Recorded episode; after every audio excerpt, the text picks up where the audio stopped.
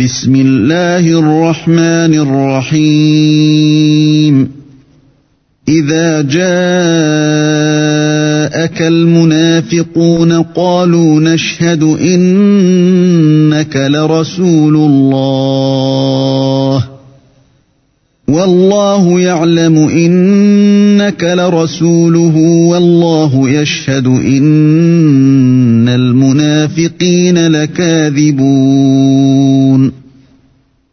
Au nom d'Allah, le tout miséricordieux, le très miséricordieux. Quand les hypocrites viennent à toi, ils disent Nous attestons que tu es certes le messager d'Allah. Allah sait que tu es vraiment son messager, et Allah atteste que les hypocrites sont assurément des menteurs.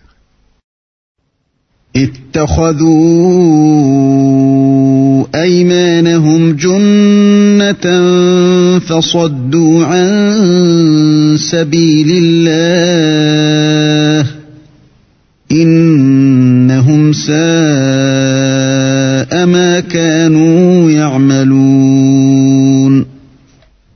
prennent leur serment pour bouclier et obstruent le chemin d'Allah. Quelle mauvaise chose que ce qu'ils faisaient. C'est parce qu'en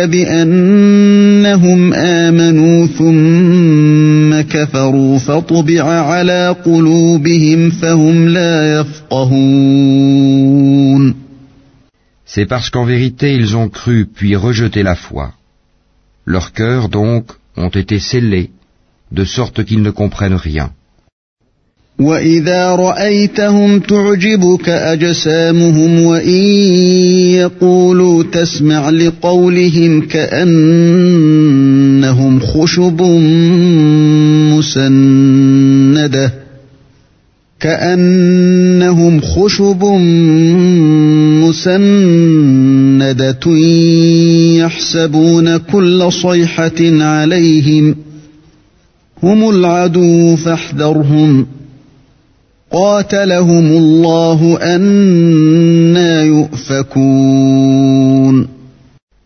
quand tu les vois, leur corps t'émerveille. Et s'ils parlent, tu écoutes leurs paroles. Ils sont comme des bûches appuyées contre des murs, et ils pensent que chaque cri est dirigé contre eux. L'ennemi, c'est eux. Prends-y garde. Qu'Allah les extermine, comme les voilà détournés du droit chemin.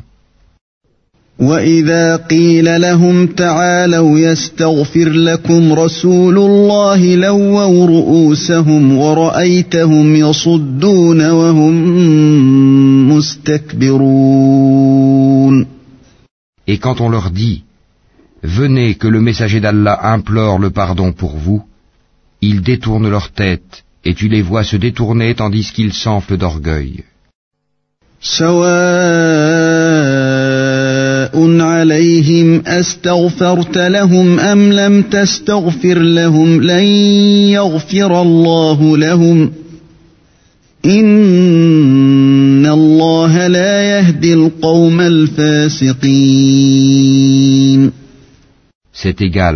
pour eux que tu implores le pardon pour eux ou que tu ne le fasses pas, Allah ne leur pardonnera jamais, car Allah ne guide pas les gens pervers.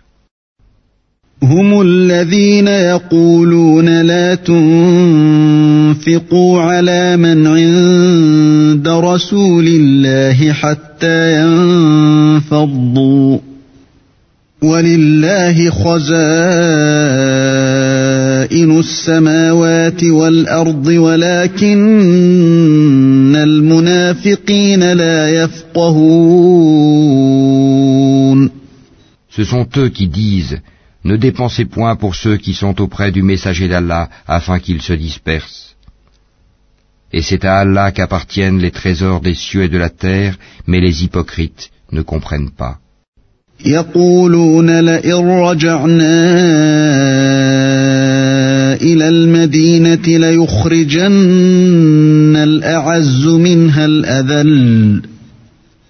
Ils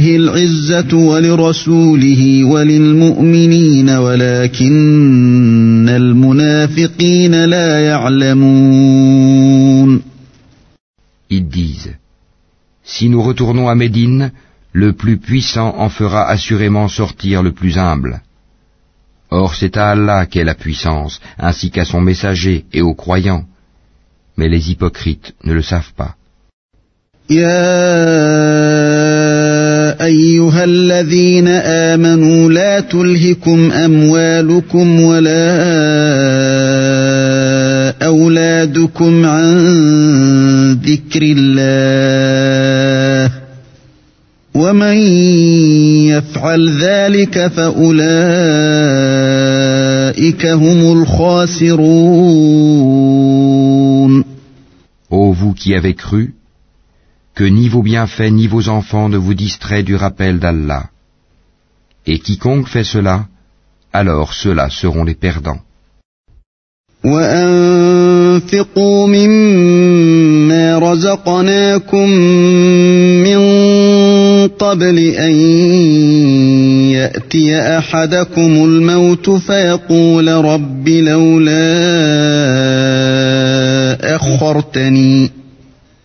فيقول رب لولا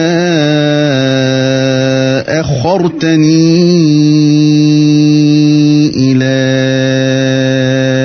أجل قريب فأصدق وأكن من الصالحين Et dépensez de ce que nous vous avons octroyé, avant que la mort ne vienne à l'un de vous, et qu'il dise alors, Seigneur, si seulement tu m'accordais un court délai, je ferais l'aumône et serais parmi les gens de bien.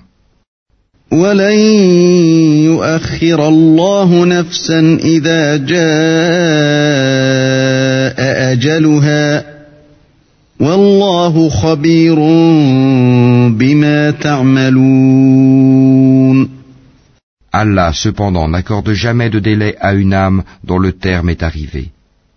Et Allah est parfaitement connaisseur de ce que vous faites.